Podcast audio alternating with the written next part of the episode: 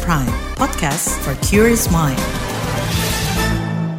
Halo saudara, senang sekali bisa menyapa Anda kembali melalui program KBR Sore edisi Kamis 13 April 2023. Saya Malika, kembali menemani Anda selama kurang lebih 30 menit ke depan. Sore ini kita akan menyoroti konflik agraria di Indonesia yang masih memprihatinkan. Komisi Nasional Hak Asasi Manusia atau Komnas HAM mencatat konflik agraria menempati posisi kedua kasus terbanyak yang diadukan masyarakat ke lembaga itu. Fakta ini menguatkan temuan LSM Konsorsium Pembaruan Agraria atau KPA, di mana jumlah kasus konflik terus meningkat. Begitu juga cakupan luas wilayah yang terdampak konflik agraria naik hingga 100 persen. Mengapa konflik agraria masih jadi prahara yang tak kunjung reda? Kita bahas lengkapnya di KBR sore.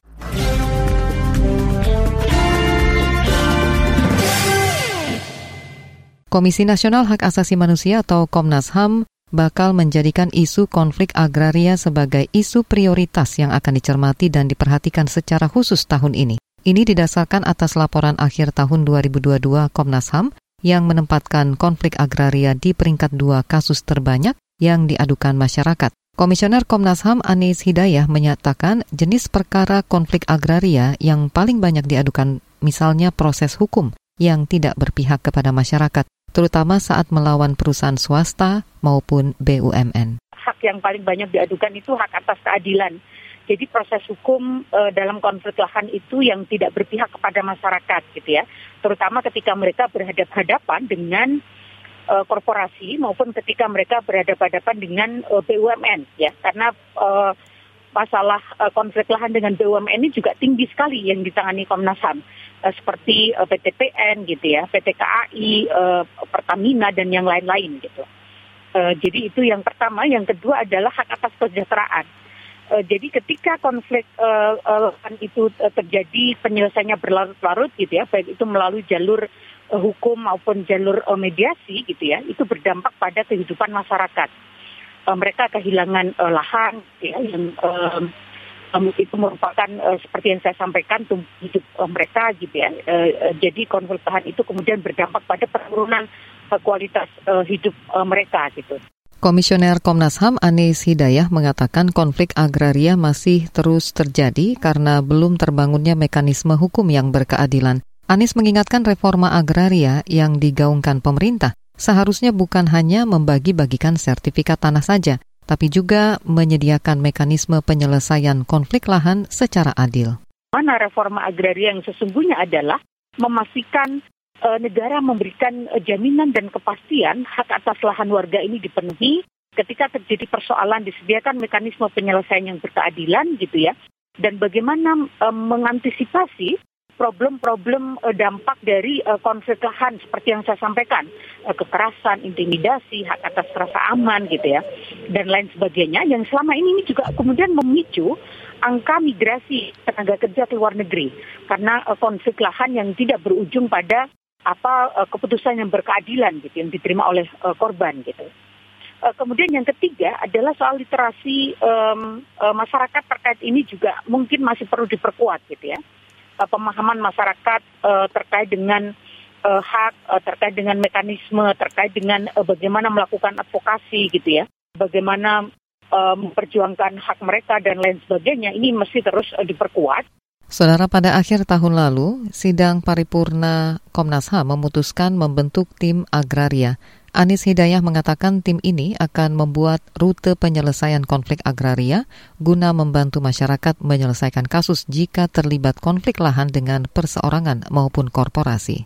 Jadi Komnas HAM akan membangun satu mekanisme nanti yang bisa diakses oleh uh, masyarakat sampai di level bawah gitu ya, termasuk bagaimana memberikan uh, pengetahuan, pemahaman uh, kepada masyarakat mengenai hal ini dan kami juga sedang melakukan review gitu ya uh, atas upaya-upaya uh, uh, yang selama ini sudah dilakukan Komnas HAM sebelumnya termasuk uh, banyaknya kasus-kasus uh, konflik agraria yang selama ini sudah ditangani Komnas HAM.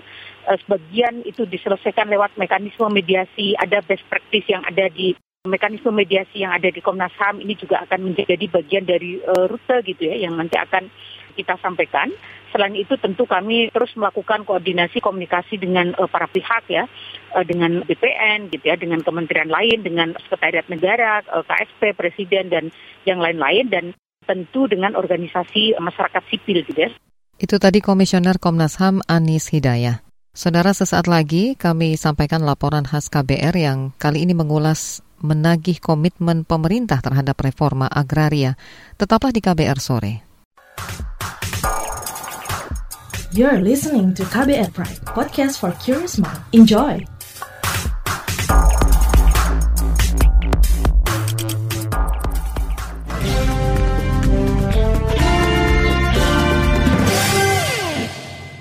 Saudara menjelang tahun-tahun terakhir pemerintahan Jokowi, pemerintah mengklaim terus melaksanakan program reforma agraria. Meski banyak yang menilai program itu masih banyak masalah, konflik lahan hingga perampasan tanah milik rakyat masih banyak terjadi. Nah, sejauh mana komitmen pemerintah agar agenda reforma agraria tercapai? tercapai? Kita simak laporannya yang disusun jurnalis Heru Hetami.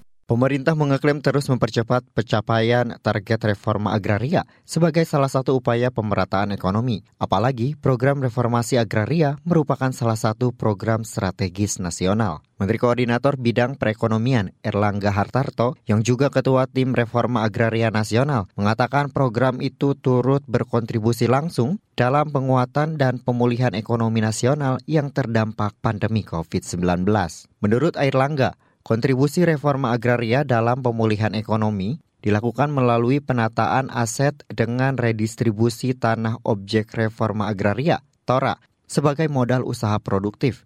Selain itu, reforma agraria juga dilakukan melalui penataan akses atau kegiatan pemberdayaan ekonomi masyarakat dengan memberikan bantuan permodalan, sarana produksi, akses pemasaran, serta pelatihan dan pendampingan usaha kepada masyarakat. Kepala Badan Pelaksana Bank Tanah di Kementerian Agraria, Parman Nataat Maja menyebut peraturan pemerintah PP nomor 64 tahun 2021 tentang Bank Tanah mengamanatkan agar minimal 30 persen dari total luasan lahan negara di Bank Tanah bisa diberikan ke masyarakat melalui program reforma agraria. Namun tanah itu tidak langsung diberikan kepada masyarakat lantaran khawatir diperjualbelikan. Namun demikian, tanah itu tidak langsung diberikan tapi ditahan dulu selama 10 tahun diberikan hak pakai dan di, mudah-mudahan diberikan hak komunal agar tidak langsung dijual. Jadi demokratisasi tanah kepada masyarakat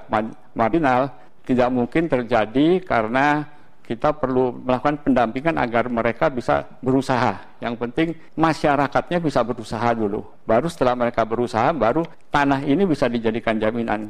Kalau tidak, kebanyakan di belakangnya mungkin sudah ada yang mau beli. Anggota Komisi Bidang Pertanahan di DPR, Gus Pardigaus, mendorong pemerintah agar meningkatkan pengawasan dalam pelaksanaan program reforma agraria. Dia menilai tim gugus tugas reforma agraria bentukan pemerintah belum bekerja maksimal. Apalagi kasus konflik tanah lebih banyak menguntungkan oligarki dan merugikan masyarakat. Konflik tanah itu sekarang ini kan menjadi lahan bisnis juga bagi para oligarki, para pengusaha, para cukong, sehingga masyarakat pada umumnya dirugikan terhadap persoalan-persoalan ini. Oleh karena itu perlu pembenahan di semua sektor, baik di BPN ATR itu sendiri, di notaris, di pengadilan, dan lain sebagainya. Jadi konflik tanah itu ada ada pihak-pihak yang berada di belakangnya. Di lain pihak, LSM Konsorsium Pembaruan Agraria KPA menilai hanya kelompok tertentu yang berada di dalam lingkaran kekuasaan elit politik yang akan lebih punya daya jangkau terhadap tanah dan sumber tanah di Indonesia. Sekretaris Jenderal KPA Dewi Kartika mengatakan Hal itu terjadi di beberapa proyek-proyek strategis nasional milik pemerintah. Kemudian di banyak tempat juga ada proses-proses pengadaan tanah untuk kepentingan proyek strategis nasional, pengadaan tanah untuk pertambangan, pengadaan tanah untuk pariwisata premium, pengadaan tanah untuk pembangunan infrastruktur, perkebunan monokultur. Yang itu lagi-lagi orientasinya adalah memenuhi kebutuhan tanah dalam skala luas bagi kelompok-kelompok korporasi atau badan usaha skala besar, bukan untuk rakyat.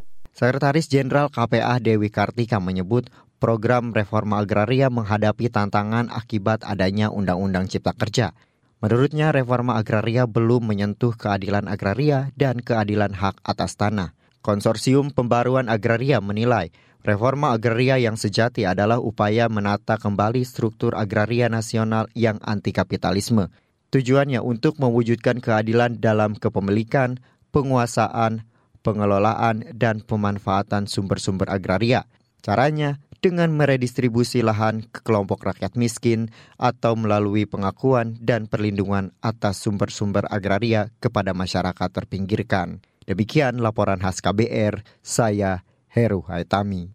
Saudara, salah satu konflik agraria yang terjadi belum lama ini adalah konflik lahan di Banyuwangi, kemudian konflik lahan di Deli Serdang, Sumatera Utara, konflik agraria di Kuningan, Jawa Barat, kemudian di Muko-Muko, Bengkulu, dan di Pulau Wawoni, Sulawesi Tenggara. Pemerintah dikabarkan tengah menggodok peraturan presiden untuk percepatan reforma agraria. Informasi selengkapnya hadir usai jeda, tetaplah di KBR sore. You're listening to KBR Pride, podcast for curious mind. Enjoy!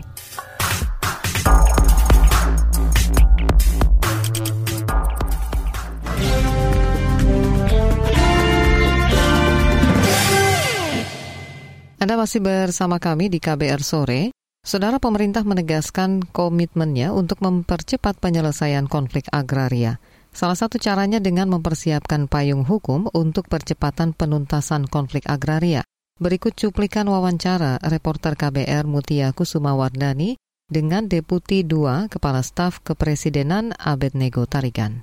Kait catatan dari KPA sendiri, e, memang kalau misalnya jumlah e, kasus 2022 itu nggak signifikan, cuman luasan sama masyarakat yang terdampak itu naik signifikan gitu pada 500 ribu hektar jadi satu jutaan hektar gitu. Kemudian juga tadi angka kriminalisasinya itu untuk pejuang hak tanah sendiri meningkat gitu. Uh memang kalau untuk melihat data-data terkait dengan konflik ya uh, perlu untuk kita perhatikan juga uh, titik awal peristiwa konflik itu kapan dimulai. Karena tidak jarang sekali bahwa pada tahun-tahun tertentu terjadi lonjakan gitu ya pengaduan masyarakat, demo masyarakat, protes masyarakat gitu. Karena masyarakat kasus-kasusnya bisa jadi ya problem itu sebenarnya sudah lebih lebih lama gitu, tetapi e, peluang mereka untuk melakukan, mengadukan, protes dan lain sebagainya ada di pada tahun itu.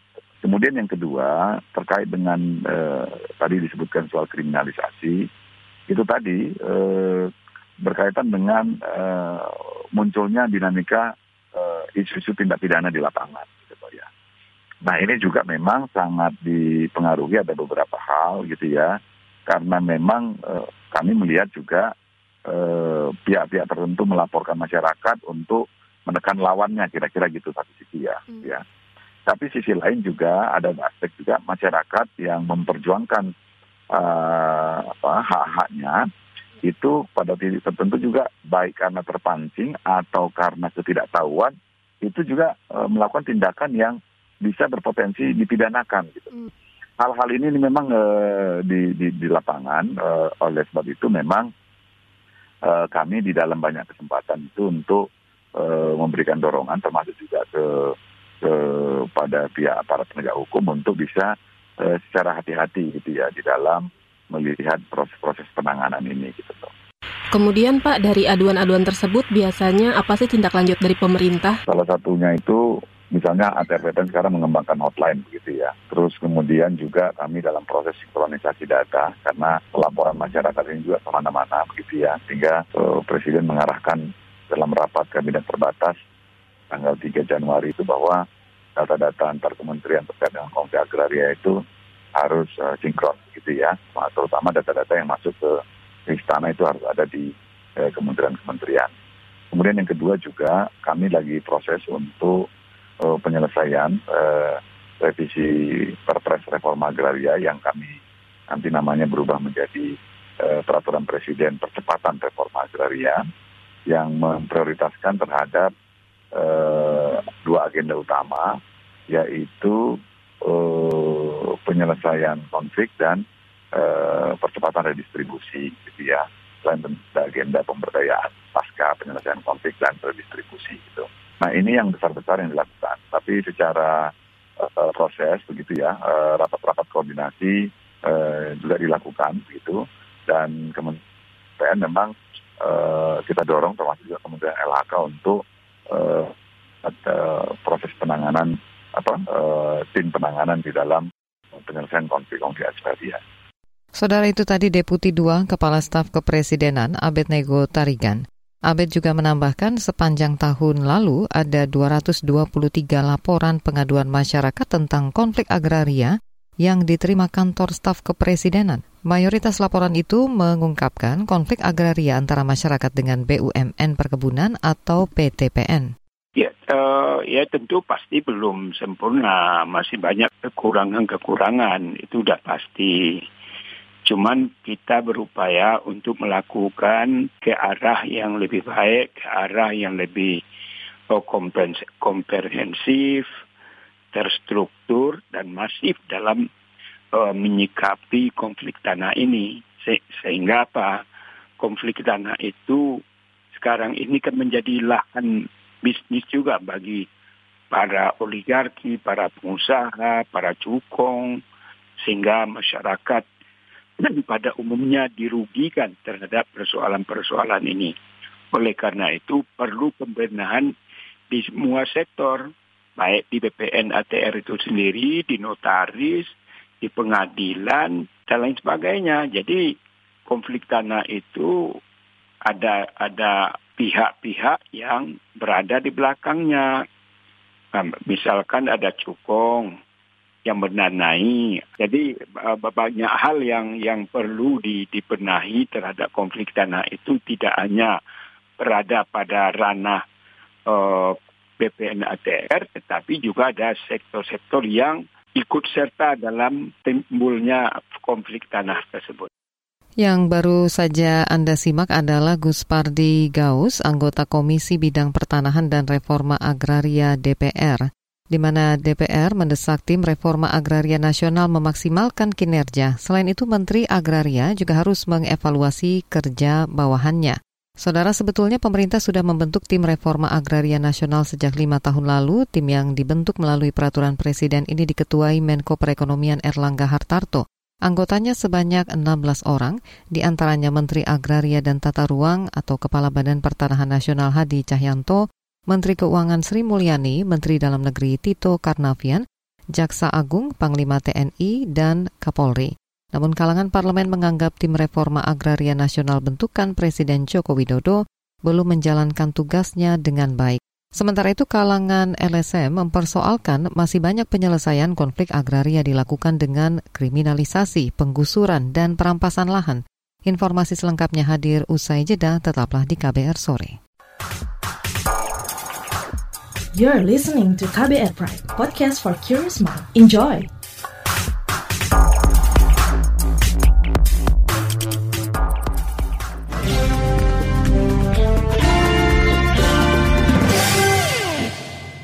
Anda masih bersama kami di KBR Sore. Saudara Konsorsium Pembaruan Agraria KPA menyesalkan ada banyak kasus konflik agraria diselesaikan dengan cara-cara yang tidak tepat, seperti dengan cara penggusuran dan perampasan lahan.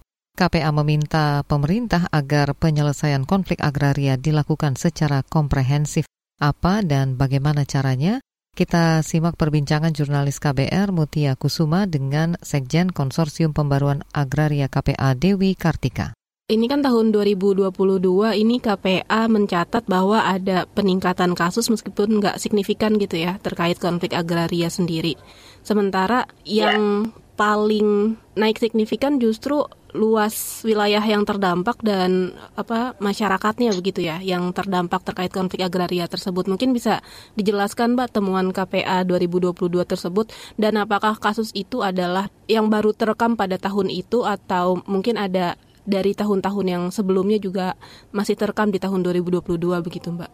Konflik agraria struktural yang kami catat yang di yang KPA catat dan pantau termasuk menerima pengaduan-pengaduan dari masyarakat adalah sebenarnya kebanyakan adalah konflik agraria struktural yang memang itu adalah konflik agraria yang sudah sifatnya kronis uh, banyak yang bahkan sudah belasan puluhan tahun tetapi kemudian tidak ada kanal penyelesaiannya dari pemerintah sehingga dia terus-menerus bisa jadi menjadi konflik agraria yang tidak nampak tetapi setiap saat bisa kemudian terjadi eskalasi konfliknya dipicu oleh faktor apa pun, oleh kebijakan baru, oleh uh, bisa jadi memicu meluas menjadi konflik horizontal dan sebagainya. Tetapi inilah yang kami sebut sebagai konflik agraria struktural. Kemudian dari sisi dampak uh, korbannya, uh, termasuk dari sisi luasannya, memang ini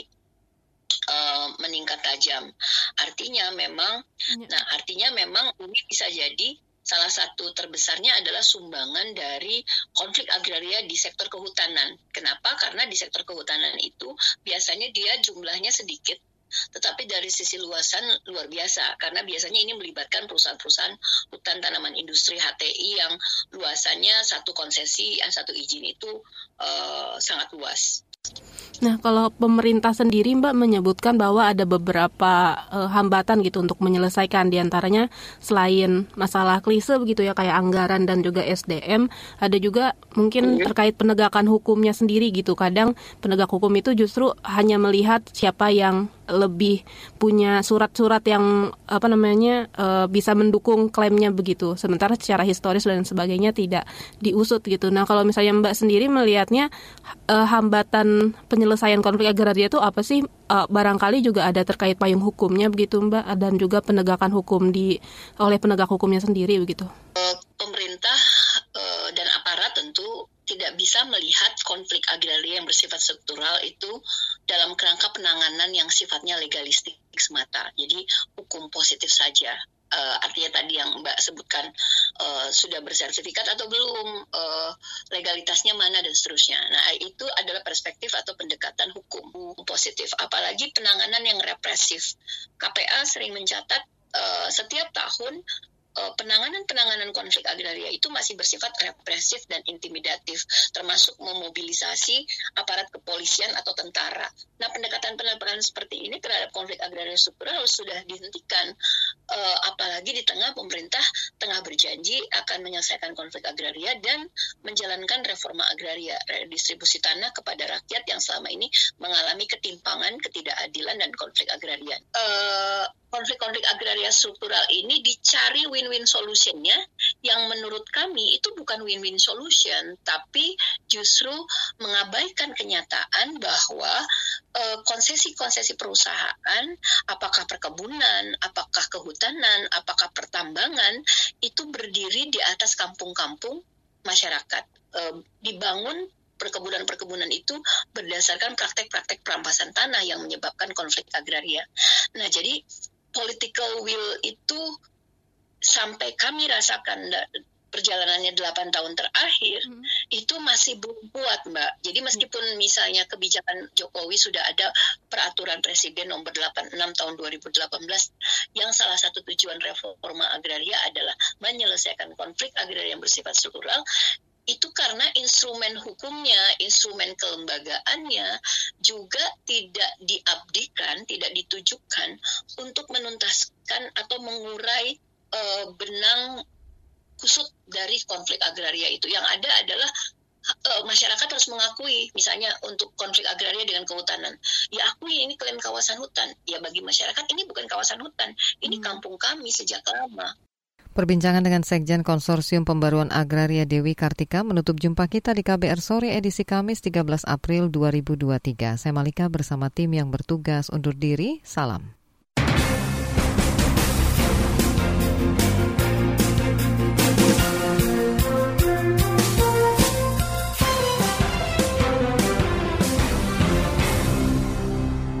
KBR Prime, cara asik mendengar berita. KBR Prime podcast for curious mind.